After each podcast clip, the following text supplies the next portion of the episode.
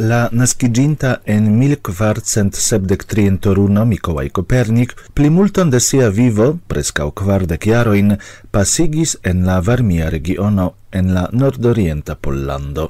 En la urboj Olsztyn, Litzbark Varminski kaj Fromborg li gvidis astronomiajn observadojn, faris siajn mezurojn kaj kalkulojn, kio fruktis per lia heliocentra modelo de la universo. Baldaŭ eblos konatiĝi kun la enhavo de tekstoj kiujn Mikołaj Kopernik redaktis kiel kanceliero de la Varmia kanonikaro au kiel administranto de kanonikara havaĵo en Olsztyn. Gis nun ili estis conataj kiel resumoi, nun plei versaine en maio ili aperos en aparta libro en originalo, oni presentos gian copion, kai documentoi aperos ancau en traduco.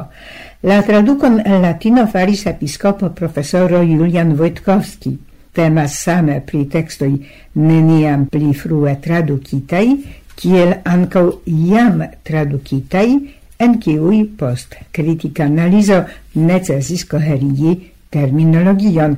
Exemple la latina vorto dominus en laica traduco signifas signoron, en la ecclesia terminologio gi signifas sacerdoton. Tiu nova traduco obligas al rigardi la figuron de la astronomo lia religia funccio. Generale oni pensas pri Copernic kiel pri astronomo, juristo, curacisto, quasau distance disde tio, che li estis canonico, religiulo.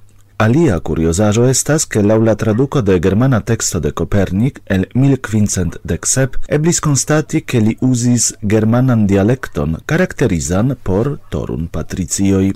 Inter la documentoi presentotai en pretigata libro trovigas crome la texto de protocolo pri transpreno de la canonica ofico fare de lia sekvanto, qui ocasis la dudec unuan de maio 1543.